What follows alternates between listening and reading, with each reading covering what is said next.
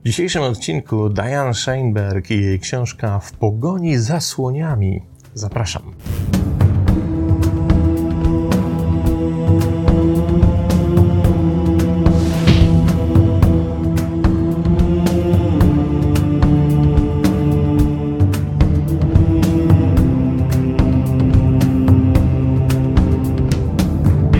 Zacznijmy od tego, żeby sprawdzić, kim jest autorka dzisiejszej książki.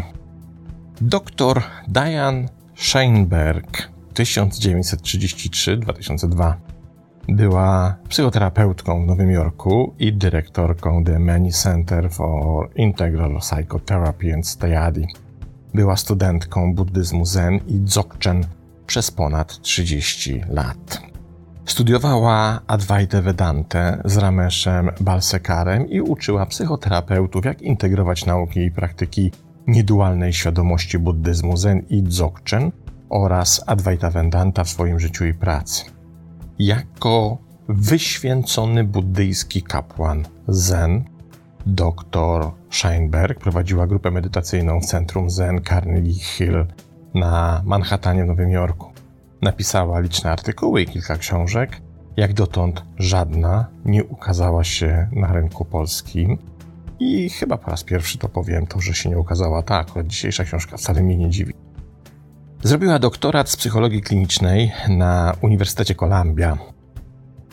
Doktor Scheinberg oferowała również ciągły program szkoleniowy w zakresie psychoterapii integralnej w Money Center w Nowym Jorku oraz prowadziła przez wiele lat warsztaty na temat integracji medytacji oraz psychologicznej i duchowej pracy transformacyjnej. Książka, którą dzisiaj sobie przeglądamy, czyli książka W pogoni za słoniami, ukazała się w roku 2000. W 16 lat później, w 2016 roku, pojawiło się drugie wydanie tej książki, opatrzone stosownymi przedmowami innych autorów, ponieważ ta książka jest uznawana nie tylko chyba w Stanach Zjednoczonych, ale na świecie, jako dość niezwykły warsztatowy podręcznik, który, którego stosowania, właściwie narzędzi, które on zawiera, jest polecane, jeśli chce się osiągnąć dużo lepsze, dużo bardziej oczekiwane w psychoterapii i który jednocześnie tą klasyczną, jeśli możemy tak powiedzieć, psychoterapię dość poważnie kwestionuje.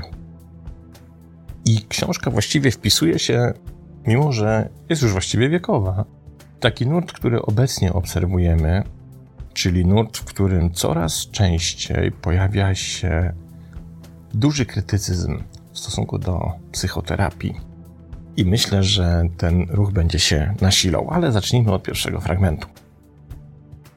Gonić słonie to fraza, która oznacza szukanie rzeczy na zewnątrz, poza nami. W tej książce omawiam proces zwracania się ku sobie. Proces, w którym nie gonimy już słoni. Nie szukamy już zewnętrznych rozwiązań. Pozostajemy obecni, pozwalamy rzeczom być, doświadczamy tego, co jest, a przy okazji odkrywamy, jak rzeczy naturalnie rozwijają się i przekształcają. Odkrycie wielu uzdrawiających potencjałów, które niesie ze sobą nasza prawdziwa natura, nie zostało uznane ani potwierdzone w psychologii. Ludzie tęsknią za odkryciem swoich duchowych korzeni, ponieważ wyczuwają, że to, kim są, nie jest całkowicie związane z ego lub osobowością, do której przyjęcia zostali nauczeni. Kiedy odnajdziemy nasze duchowe źródło jako przebudzoną świadomość wewnątrz, możemy być otwarci pośród wszystkiego, co przynosi nam życie. Nasza czysta, otwarta świadomość w każdej chwili jest pełnią, której szukamy. Kiedy odpoczywamy w świadomości, wtedy widzenie, słyszenie, myślenie, wąchanie, czucie, dotykanie i smakowanie wprowadza nas w przepływ życia, którego możemy doświadczać bez chwytania za cokolwiek. Duch wewnętrzny, jako nasza witalna esencja, nasza świeża, Nienarodzona świadomość będzie nas wspierać, wysyłając nam określone potencjały, z którymi się urodziliśmy, abyśmy mogli ich używać tak, jak ich potrzebujemy. Robimy miejsce na rozwój tych potencjałów w naszym życiu, gdy rozluźniamy nasze utożsamianie się z obrazami i przekonaniami, osądami i koncepcjami, i zaczynamy odpuszczać kurczowe trzymanie się czegokolwiek. Pozostawienie tego, co pojawia się w nas takimi, jakie jest, i odprężenie naszego zmęczonego umysłu przyniesie nam następną rzecz, która zostanie ujawniona w naszej podróży ku wolności bycia tym, kim jesteśmy. Pani doktor przekonuje nas do tego, że skuteczna pomoc drugiemu człowiekowi nie jest obwarowana tym, czego uczymy się ze współczesnej psychologii, ale tym, czego uczymy się ze starożytnych systemów. Na przykład tego, że mamy moc zarządzania naszym problemem pod warunkiem, że jesteśmy zanurzeni w rzeczywistości i w teraźniejszości, że problem jest do rozwiązania tu i teraz, że widzimy siebie z perspektywy tu i teraz. Za każdym razem, kiedy dokonujemy skoku w przeszłość i zaczynamy identyfikować się z wydarzeniami z naszej przeszłości, traumatycznymi, problematycznymi, urazami, ranami, to lgniemy jednocześnie do tych traumatycznych wydarzeń, przenosimy je z nami do teraźniejszości i kiedy jesteśmy w tym procesie lgnięcia, to pomoc staje się nieskuteczna i niemożliwa. To, co proponuje pani doktor, jest nawet po 20 latach wciąż świeże, odkrywcze i trudno się dziwić, że ta książka ma kolejne wydanie. Ona mówi: weźmy z buddyzmu, który tak naprawdę jest systemem chyba najbardziej psychologicznym z wszystkich możliwych systemów, a przynajmniej który w moim przekonaniu do rozumienia psychologii człowieka wniósł najwięcej z wszystkich możliwych tradycji religijnych świata. Weźmy więc z tego systemu to, co zostało sprawdzone, co działa, co funkcjonuje na poziomie rozumienia psychologii człowieka i wykorzystajmy w psychoterapii. Nie ma przed czym się chować. Nie ma czego unikać. To są rzeczy, które po prostu działają. Jest tylko jeden warunek. Musimy być na nie otwarci i musimy zaufać, że można w ten sposób pracować również w procesach psychoterapeutycznych, dzięki czemu uzyskuje się dużo szybszy, dużo lepszy efekt niż w tej tak zwanej psychoterapii tradycyjnej, gdzie wiemy, że czasem te procesy potrafią trwać latami. I niestety skutki wcale nie są takie ok, bo do mnie bardzo często zwracają się ludzie, którzy po zakończeniu procesów psychoterapeutycznych czują się gorzej niż przed ich rozpoczęciem. I takich przypadków znam bardzo wiele. Kolejny fragment. Po wielu latach pracy jako psychoterapeutka widzę, że psychoterapia jest zasadniczo sposobem na przebywanie z ludźmi, aby mogli wniknąć w swoje życie i być obecnymi w tym, co się pojawia, tym samym być bardziej świadomi i przebudzeni w swoim życiu. Będąc świadomymi, wchodzą w siebie i zwracają uwagę, nie porzucają siebie i nadają większą wartość temu, co dzieje się na zewnątrz. Osoby w terapii zaczynają zdawać sobie sprawę, że utraciły w sobie dom, w którym mogą znaleźć miejsce odpoczynku. Stracili potencjał pozostawania obecnymi w celu nawiązania kontaktu z miejscem, w którym się znajdują. Zatrzymali przepływ wewnątrz, chwytając się swoich historii. Struktury umysłu, koncepcje siebie, obrazy siebie, tożsamości zablokowały ten przepływ. Psychoterapia nie zrozumiała jednak spontanicznej mocy naszej prawdziwej ludzkiej natury, ani też wewnętrznej mądrości uzdrawiania. To, co często stwarza problemy, to fakt, że wiele naszych wrodzonych potencjałów pełnego życia jest blokowanych i zaciemnianych przez trzymanie się starych wyobrażeń czy koncepcji siebie, co ogranicza spontaniczne powstawanie i przemijanie uczuć, myśli i doznań. To, co ludzie nazywają problemami, to zwykle zatwardziałe koncepcje i osądy dotyczące niewygodnych energii w ciele. Umysł nie może się wyleczyć, identyfikując się z koncepcjami z przeszłości. Nie mają one energii, bo nie są rzeczywiste. Nie możemy ciągle mówić o naszym życiu i oczekiwać, że pojawi się w nim coś nowego, ponieważ nasze ego nie wie, jak znaleźć naszą wewnętrzną prawdę, ani też tego nie chce.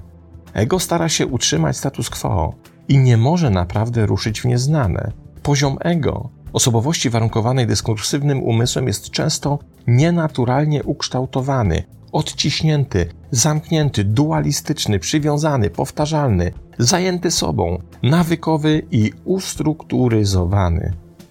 Psychoterapia została tak rozczłonkowana, odcięta od ciała, odcięta od docenienia funkcjonowania świadomości, w której wszyscy dzielimy ludzki stan nietrwałości i te cenne ludzkie narodziny, że w wielu przypadkach przestała sobie radzić. Czegoż się dowiadujemy? Dowiadujemy się tego, że kiedy ktoś przychodzi do nas po pomoc i mówimy mu po raz dziesiąty: opowiedz, jak cierpiałeś, opowiedz swoją historię, opowiedz, jak ciężkie to były doświadczenia, jak się wtedy czułeś, co czujesz teraz, kiedy wracasz pamięcią do tych rzeczy. Robimy temu komuś po prostu krzywdę, bo wzmacniamy lgnięcie do tego cierpienia, którego doświadczył. A on już doświadczył cierpienia, po co mu jego dokładać? Po co je mnożyć? Po co powodować, żeby to cierpienie w nim jeszcze bardziej się konstytuowało? Żeby go jeszcze bardziej doświadczał? Żeby go jeszcze bardziej utożsamiało ze sobą? Trzeba mu zabrać cierpienie, a nie tego cierpienia dodawać. A zatem na każdej kozetce psychoterapeutycznej świata, na której siedzi sobie człowiek i zostaje mu zadane zadanie, by po raz kolejny opowiedział, czego złego doświadczył, jednocześnie wydarza się rzecz, która sprzeciwia się jego uleczeniu. To jest teza tej książki. Psychoterapeutki, która pracowała w tym zawodzie przez wiele lat, osiągając niebywały sukces. Zostaw te rzeczy. Tak jak myśl w medytacji. Przestań się identyfikować. Okej, okay, wydarzyło się. Już. Zobacz, czego się nauczyłeś, czego się dowiedziałeś, jaką informację w ten sposób wszechświat ci przekazał. Idź dalej. Kiedy ciągniesz ten wór za sobą, on cię nie opuści. Będziesz tak łaził na tą psychoterapię co tydzień do tego gabinetu, będziesz siadał na tej kozece i będziesz tam nawijał o tym, jak było bardzo ciężko. Wiem, że było ciężko. Nie mam zamiaru tego negować. Nie mam zamiaru się z tego naśmiewać, czy uważać, że nic się nie stało. Tak, stało się. Każdy ma jakąś traumę, każdy ma jakąś, jakiś wór doświadczeń, które nie są specjalnie pozytywne. Ale trzeba sobie z tym poradzić. Jak chcemy inaczej ruszyć w życie? Nie da się tego zrobić. Dopóki tkwimy w przeszłości, to nie zostawiamy sobie miejsca by mogła się w nas pojawić teraźniejszość. A żyje się w teraźniejszości. Tu i teraz. To jest jedyna chwila, którą dysponujemy. Przeszłość jest jedynie naszym wspomnieniem. Kolejny fragment. Skuteczna terapia przygląda się temu, gdzie jesteśmy teraz w naszych uczuciach, myśleniu i doznaniach cielesnych. Terapia bada przeszkody, które mamy jako struktury mentalne, które utrudniają nam widzenie, doświadczanie i wyrażanie tego, gdzie jesteśmy w teraźniejszości. Paradoksalnie obrazy, których się trzymamy, były pierwotnie używane jako ochrona w naszej rodzinie, ale ostatecznie uwięziły nas i pochłaniają całą naszą energię, aby je utrzymać. Tylko będąc świadomymi i szczerymi, w danym momencie możemy poczuć, że jesteśmy tam, gdzie toczy się akcja. A przecież akcja toczy się tu i teraz. Klienci uciekają od bycia w pełni obecnymi w swoich doświadczeniach, ponieważ nie chcą dowiedzieć się, jak bardzo są nieszczęśliwi, jak bardzo i głęboko skryta jest w nich na przykład miłość, która usiłuje znaleźć przejście do autowyrażenia siebie. Większość klientów nie chce widzieć, że muszą być odpowiedzialni za kreowanie swojego życia z chwili na chwilę i że to przywiązanie do swoich pomysłów i historii czyni ich nieszczęśliwymi. Uzdrawiające potencjały równoważą uchwycone struktury umysłu w polaryzacji całej natury. W perspektywie naszej duchowej, prawdziwej ludzkiej natury, wszyscy mamy w sobie zarówno neurotyczne struktury, jak i potencjał do transformacji i uzdrowienia. W naszej prawdziwej naturze leży wrodzona świadomość, która pozwala nam wejść w teraźniejszość, zobaczyć, co się dzieje, i zacząć wszystko od nowa za każdym razem. Świadomość jest po to, aby dać nam nowy początek milion razy dziennie. Wielkie i święte słowa. Świadomość jest otwarta i zawiera to, co przynosi nam życie, bez denerwowania się lub reagowania. Świadomość jest tym, co trzyma to wszystko w kupie. Nie możesz przeżyć następnej chwili. Klatka po klatce mamy tylko ten moment. Ludzie w dzieciństwie odseparowali się od własnego doświadczenia miłości i to jest ich największa rana. Ta rana się nigdy nie zagoi, dopóki nie zostanie odzyskana wola pozostania obecnym. Jest to empiryczna praca procesowa, która pokazuje nam, jak cenić i doceniać siebie, tak aby nasze kochające serce zostało na nowo odkryte. Kiedy zostanie rozpoznana nasza prawdziwa natura, nasza czysta, otwarta świadomość, wysyła nam wszystko, czego potrzebujemy do uzdrowienia. Nasza czysta świadomość jest słoniem, którego szukaliśmy w splątanych, porośniętych dżunglach. To jest nasza czystość. Z niej wypływa nasza mądrość. To nasz wewnętrzny dom. W tym domu możemy być sobą, wewnątrz i świadomi, że jesteśmy bezpieczni i zdrowi. Kolejny przykład tego, że wchodzenie raz po raz do tej samej rzeki jest bez sensu. To jest jedno z prostszych pytań, które sobie można zadać, kiedy doświadczamy przedłużającego się procesu terapii, psychoterapii, autoterapii, jak sobie tam chcemy. Po co na ranie robi się strup? Żeby się zagoiła. Jeśli będziemy tą ranę rozdrapywać, jeśli będziemy nieustannie paluchem w niej grzebać, nawet jak to będzie paluch oświeconego psychoterapeuty, to kurczę nie dajemy szansy na to, żeby to się zastrupiło i zagoiło. Jasne, strup wygląda obrzydliwie. Jasne, nie chcemy go na sobie nosić. Swędzi, dokucza, nie pozwala zapomnieć o swoim istnieniu.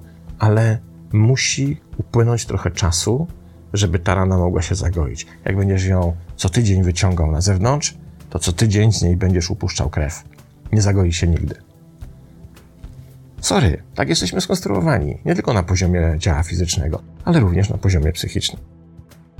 I dalej nasza odważna autorka pisze.